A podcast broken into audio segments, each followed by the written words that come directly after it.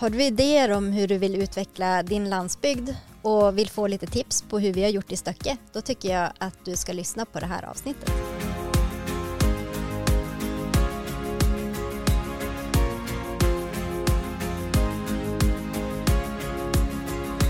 Det här mina vänner är en helt ny podd för dig som vill vara med och skapa ett mer hållbart samhälle. En podd för alla sociala idéer där ute. Och en av alla de idéer som blivit verklighet ska vi prata om idag. Jag heter Elin Leonberg och podden den görs av Companion Västerbotten. För åtta år sedan bestämde sig ett par mammor från byn Stöcke utanför Umeå att göra slag i saken och se till att byn fick en idrottshall. Och projektet det växte.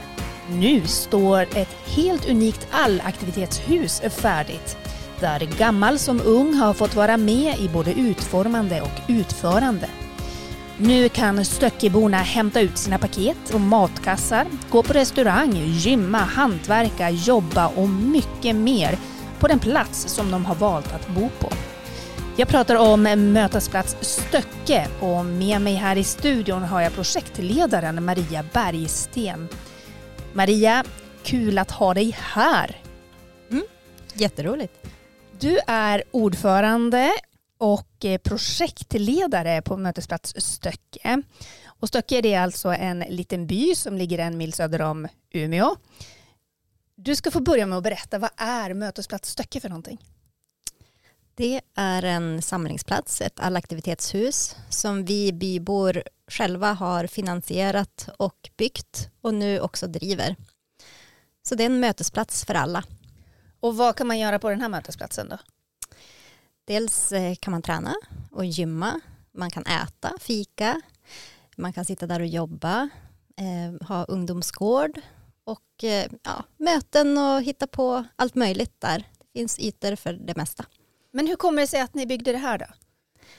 Det började för sju år sedan att vi var ett gäng föräldrar som tyckte att eh, barnen behövde en idrottshall. För skolan som ligger precis intill har ingen idrottshall. Inte ens en sån här liten, utan man bussas in till stan eller också flyttar man undan alla eh, möbler i klassrummet och så kör man idrott i klassrummen och då tänkte vi att vi behöver en idrottshall. Så det var så allting började. Och Stöcke har kämpat i 30 år för en idrottshall. Oj, och inget gehör? Ja, man har provat, gjort tappra försök men eh, har varje gång fått lägga ner för att det har fallit. Jaha, okej. Okay. Så det har, man har verkligen kämpat och försökt. Ja. Men så då, det började med att ni ville bygga en idrottshall. Mm. När var det här då, ungefär i tid? 2015 var det de första idéerna och tankarna. Ja. Vi började prata. Just det. Och vad hände sen då? Sen tänkte vi att vi kollar med kommunen om de vill bygga den här idrottshallen i Stöcke men eh, det insåg vi att det kommer inte att hända i närtid utan om det skulle bli någonting då får vi göra det på egen hand. Men vi hade ju inga pengar. Vi hade ju noll kronor och vi, vi var ju bara en grupp föräldrar typ. Ja. Vad gjorde ni då? Då, då startade vi en ekonomisk förening och eh, började samla in pengarna. Okej. hur, hur, hur pass lätt var det? Ja, det har ju tagit några år. Så att det har inte alls varit. Det var ju 50 miljoner som vi behövde och som vi har fått ihop. Just det. Och hur gjorde ni då för att liksom säkra den här finansieringen? Vart, vart vände ni er då? Vi har sökt alla möjliga bidrag som vi ja. bara kan få. Så att där har vi ju eh, nästan hälften är bidrag. Sen har vi också ett stort banklån och eh, sen den tredje delen är privata aktörer som har gått in med pengar och sponsorer. Och så har vi gjort en crowdfunding också. Okej. Mm. Hur gick det då? Fick ni ihop mycket eller? 318 000. Oj, det var bra. Det är bara privatpersoner. Ja. Så det är ganska mycket pengar om man tänker att det inte är företag utan det är verkligen privatpersoner i bygden. Hur många är det som bor i Stöcke? Ungefär 700 personer. Ja, just det. Men ungefär 3000 om man räknar byarna runt omkring också. Ja. Men hur var det då att ta det här steget? Liksom att bestämma att men nu gör vi en ekonomisk förening och nu satsar vi, nu kör vi på det här. från början när det var bara vi alltså i lilla gruppen och vi hade det som för oss själva så var det ju Alltså innan man som går ut och outar till någon annan, då har man ju som inte några krav eller förväntningar, utan då kan man ju som bara ha, det för sig själv. Men sen när vi verkligen gick ut med det, bara nu ska vi satsa och så, då blir det ju också, ja men det var ju lite läskigt, men samtidigt så har det varit otroligt roligt och vi har ju som blivit fler och fler också som har hoppat på. Så gruppen var ganska liten i början, men är stor nu. Ja. Och visst är det så att ni har liksom involverat hela byn i det här. Mm. Det var inte så lätt att veta för från början så var det ju bara en idrottshall och sen så insåg vi ganska fort då att ja, men det är ju kanske inte bara en idrottshall utan ja, det, det, tidigare så gick det ju inte ens att köpa en kopp kaffe och då såg vi att ja, men det kanske är någonting mer, alltså just att skapa den här servicen också, att kunna äta och ja, men framförallt att ha den här mötesplatsen någonstans där man kan träffas och träffa andra och att det är en öppen mötesplats så att man bara ja, kan komma dit. För förut fanns det ju affär och post och då var ju det naturliga mötesplatser. Men de har, har lagts ner och flyttats in till stan, allting. Så att det fanns ingen service. Så då har vi involverat bygden och försökt ta reda på, ja men vad, vad är det man vill ha? För det var ju svårt, vi visste ju inte vad vi skulle bygga riktigt. Så då har vi gjort enkäter och haft möten, soppluncher och ja, sådär. Försökt involvera, men sen är det ju jättemånga som har involverat med sin tid och sin kompetens. Just det. Men, men hur eh, fick ni in mycket idéer? Var det liksom lätt att engagera människor i bygden? Ja, och just idrottshall var ju verkligen ett uppdämt behov sedan många år tillbaka. Så det var ju som ändå, ja, man utgick ju från att det var en idrottshall, men sen så såg vi att det var många andra funktioner. Och det är det som är roligt nu också när vi har mötesplatsen, att vi har startat upp hantverkstad, man träffas varannan torsdag, det är odling och det är många sådana olika typer av aktiviteter som, som har som startat igång. Mm. Men utnyttjas det mycket då, så att, att det är många som går dit? Det är jättemånga. Är det, det? Ja, och det, ja, men man blir så himla glad. Jag satt där och jobbade och så sen tittade ut genom fönstret och så såg jag en familj som kom cyklandes med en cykelvagn och så två barn, en, en mamma och pappa och så sen hade de, gick de in och så hämtade de Coop-påsarna, hade handlat mat då. Vi har ju ingen Coop, men däremot kan man ju få sina Coop-kassar där. Jaha. Så man som cyklade hämtade ut sina påsar och så sen samtidigt så kom det incyklandes en kvinna och tog ut paket ur postboxarna och cyklade vidare. Så att, och det är det också som var för oss att ja, men vi ville skapa förutsättningarna lokalt, att man inte ska ta bilen för att göra allting. Och då myntade vi våran slogan, vi bygger samhället där vi bor. Just det. Att just kunna leva mer hållbart, inte vara beroende av två bilar eller ja, kunna cykla så mycket som möjligt. Och det kändes jätte, när man satt där, bara, gud, så himla fint. Ja. Det har ja, gjort någon förändring i alla fall. Att, det, att ja, ges den möjligheten att ta cykeln och handla. Ja men verkligen. Ja. Um, och det är alltså då restaurang, café, eller? Mm, mm, ja, som ja, håller där. Ja, och så den här matutlämningen och så mm. kontor. Mm. Då. Är det, hur, hur pass mycket nyttjas det? Är det som en eh, coworking space eller vad är det för något? Då? Ja, precis. Och så sen är det också ett eh, företagsnätverk eh, med entreprenörer även från från Umeå och andra delar som också träffas en gång varje fredag och det är ett ganska stort nätverk och ja, fokus är ju att jobba med hållbar landsbygdsutveckling. Mm. Mm. Spännande. Hur kommer det sig att ni valde då just den här formen ekonomisk förening? När vi hade den här idén att vi gick från att bara vara en idrottshall till att tänka typ, ja men vi gör ett minicentrum i Stöcke på landsbygden, så kändes det också som att vi kanske är helt galna.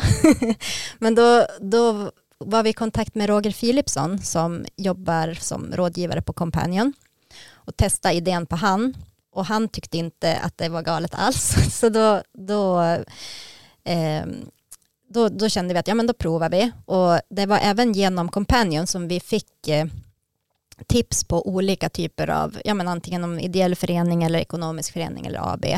Och för oss så kändes det som att ekonomisk förening var det som passade bäst. Mm.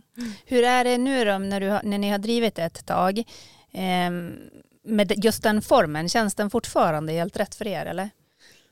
Ja, det skulle jag säga. Mm. Det, ja, det, det passar att, att eh, sen hade det kanske funkat med ett AB också. Ideell förening vet jag inte, det, det är mer praktiskt också att kunna ha, när vi har momsad verksamhet så är ju det också en fördel när man är ekonomisk förening. Mm. Just det. Eh, och du är projektledare, har ni några fler som är anställda? Eh, ja, eh, det är jag och en till tjej. Mm. Just det. Mm. Men vi är projektanställda i ett eh, arvsfondsfinansierat projekt. Okej. Arvsfonden är ju den finansiär som har, eh, ja, där vi har fått störst bidrag. Mm. Nästan 10 miljoner från Allmänna arvsfonden. Så de är ju en stor möjliggörare. Just det. Mm. Men hur har det varit att söka alla de här bidragen? Jag tänker det brukar vara ganska tidskrävande process. jo, nej men det har varit lärorikt. Nej, men det, det, vi har ju fått ihop väldigt mycket pengar men vi har ju sökt väldigt mycket som vi fått nej på också. Så Ja. att, eh, och vissa bidrag är ju mer energikrävande än andra också. Mm. Ibland är det ju väldigt mycket administration så det nästan inte känns som det är värt det. Men det finns väldigt många bra bidrag också så att det, det är varierat. Mm. Vad skulle du säga då att det här har gjort för Stöcke som bygd? Dels har vi ju skapat en mötesplats och en samlingspunkt så att man faktiskt kan träffas förutsättningslöst. Så att de som kanske satt hemma ensam och ville ha någon möjlighet att träffas har ju nu det. Det tror jag är jätteviktigt. Men sen har det ju blivit som en sammanhållning också. Att vi, ja, att vi har skapat den här knytpunkten och även med de andra byarna att, att kunna jobba ihop. Ehm, men sen eh, tror jag också att särskilt kanske för barn och unga att ja, men vi har ju som, det var ju, det kändes ju, eller det var ju typ omöjligt egentligen att få ihop 50 miljoner på det här sättet. Men jag tror att det också visar framförallt barn och unga att det går och också hur, hur man kan göra saker ihop tillsammans utan att det är typ ett vanligt jobb där alla man jobbar för att tjäna pengar utan här har ju vi jobbat tillsammans för att skapa gemensam nytta.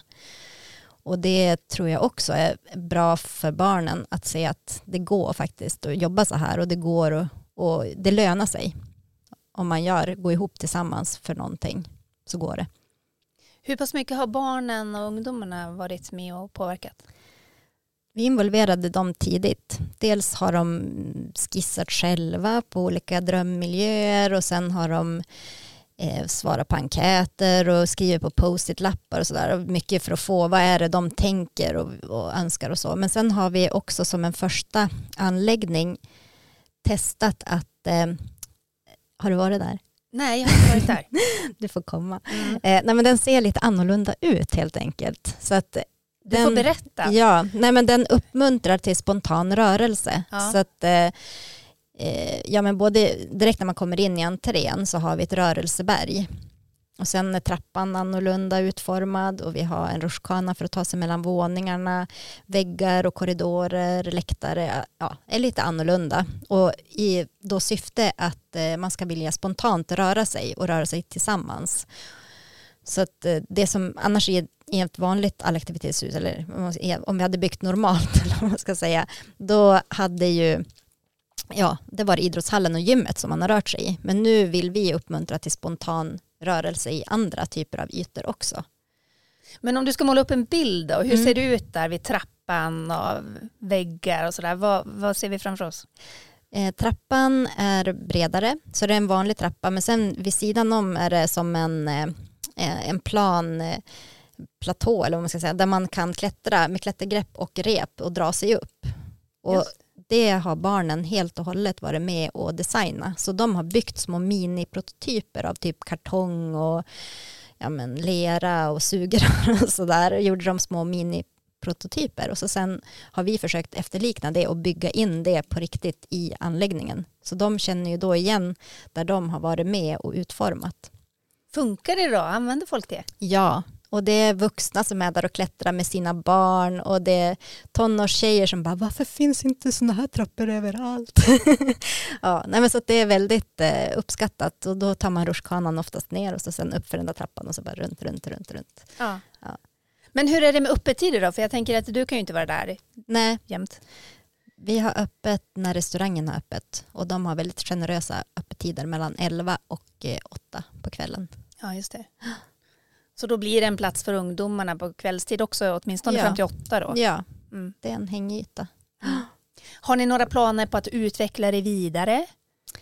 Mm, nu håller vi på för fullt med utemiljön. Okej. Så att, eh, där håller vi också på att ja, titta på hur kan man få spontan rörelse och att det ska vara en, en rolig attraktiv plats. Men sen tittar vi på andra projektidéer också, kanske jobba med energigemenskaper och odling och sj- självförsörjning och ha, att man kan eh, eh, låna och laga i, våran lada, att ha som en hantverksbod. Ja, vi har massa idéer. Vad roligt. Ja, Visst är det så att ni har solceller också? ja, det har vi. Och, och där, där ni säljer överskottet, ja. hur mycket liksom, hjälper det till att finansiera? Ja, den är ganska liten våran solcellsanläggning så den skulle egentligen behövt vara större. Men eh, det ger ju alltid något i alla fall. Det, Ja. det ger ju att vi, vi har lite lägre energikostnader än vad vi annars hade haft. Men vi, vi tittar på att bygga ut den faktiskt och även ha nu den här nya typen av batterilagring också. Ja, men just det. Och när du säger då ener, energigemenskap, är det så i hela grannskapet på något sätt, eller hur tänker du att det är? Ja, att man tittar på alltså byn och Mm. bygden. Hur kan man jobba mer med energi ihop på ett smart sätt? Mm. Det blir verkligen ett rejält centra i den här lilla byn. Mm. Ja, det är häftigt. Mm. Ja, ja. Får ni fortfarande in tips från, från de som bor där? Jo, eh, det, det kommer lite olika idéer och sådär. Så att, eh, men, och mycket är ju att man får höra bara gud så fint det har blivit. Åh, Ja. så himla roligt. Vad fint att vi har den här platsen. Mm. Hur pass mycket tror du att det gör att, att ni faktiskt är några stycken som är anställda för att driva det här? Jag tänker, om man, du sa att ja, men inte driva det ideellt. För ofta så kan det ju vara så att det är Mm. några eldsjälar som brinner för det här. Och sen Mm. så brinner man i några år och sen orkar man inte längre. Och Mm. så faller det. Liksom. Hur pass resilienta är ni? Ja, vi är ju anställda i ett projekt. Så att eh, vårt uppdrag är ju egentligen inte, eller det är inte att driva anläggningen, så det gör vi ideellt. Eh, men vi har ju, eh, jag har varit deltidsprojektanställd nu under de här eh, fem åren. Och det har ju, även om jag har jobbat liksom med projekten, har jag kunnat jobba med helheten som har liksom gjort att projektet har, har drivits framåt. Men sen är det ju, alltså vi har ju lagt eh, väldigt mycket ideella timmar och det är ju inte bara jag, det är, vi är ju ett gäng på ja men tio pers som har jobbat jättehårt. Hårt. Mm. Mm. Men hur tänker ni att ni ska finansiera den fortsatta driften då? Vi har våra hyresintäkter som är vår största inkomstkälla. Sen har vi ju fort, vi har sponsorer också och sen eh, är vi också, ja men vi kan eh, eh, sälja föreläsningar och även studiebesök och, och så finns också möjlighet att vi kan få in pengar. Mm. Det, det är ju som när man pratar med människor som jobbar inom hållbarhetssfären här i stan men Mm. även på kommunen och sådär. Det, är som att alla har någon slags stolthet över mötesplats Stöcke. Ja, vad roligt att höra. Som Vad det här kul. lysande exemplet. Ja. ja, vad kul. Nej, men vi har haft ett jättebra samarbete med kommunen också. Så det, och, och även ja, men Länsstyrelsen, regionen. Det känns som att alla har velat vara med och alla har bidragit. Och det, det, blir väl, det är väl det som gör att, att det blir som en stolthet också när man har när olika parter känner att man faktiskt har varit en del också i att göra det möjligt. För vi har ju inte klarat det här utan kommunen eller, eller de andra som har hjälpt oss Mm. som barnen också, jag glömde säga det, men förutom att de har som varit med och designat så har de ju också varit med och till exempel måla våra lamparmaturer som nu sitter i omklädningsrummen. Vi har haft sådana täljkvällar, de har täljt krokar som nu hänger upp i anläggningen. Och det är också just att få den här känslan av att man har varit med, att man har varit med och skapa och att eh, man kanske också bryr sig mer om platsen och är mer mån om att ha, ta hand om den. Det måste ju också vara ett fantastiskt tillfälle att lära känna de andra i byn. Ja, absolut. Tror du att det kan locka till eh, mer inflyttning på något sätt? Jo, men det, det hör vi att det gör. Gör det det? Ja. Så det, och nu har kommunen tagit beslut om att eh, dubblera skolan också. Så det, det byggs väldigt mycket i området. Mm. Ja. Du pratade om det här just om att eh, mer leva där man bor, att Mm. ni skulle slippa pendla in till Umeå och så vidare. Det gjordes ju en LEA-analys. Berätta, vad är det för någonting? En lokal ekonomisk analys. Ja. Mm. Och vad, vad, vad, berätta. Ja, där eh, hade vi hjälp av Companion. Vi beställde material från SCB för att få statistik. För vi märkte ganska tidigt att ja, men vi fick frågor så här, ja, men har ni verkligen tänkt på ekonomin? Är det verkligen hållbart att ha ett gym eller en restaurang i Stöcke? Och hur många bor där och så där. Vi fick väldigt mycket siffror, eller frågor om siffror. Så då kände vi att ja, men vi bör ju få koll på det. Så därför så gjorde vi då en sån lokal ekonomisk analys som är en slags marknadsanalys. Men det är också en kartläggning av vilket värde som finns. Så vi bildade grupper som bestående av, av representanter från de olika byarna för att då kartlägga ja, men vilka, vilka värden finns i Norrmjöle, vad finns i Strömbäck, vad finns i Stöcksjö och Stöcke.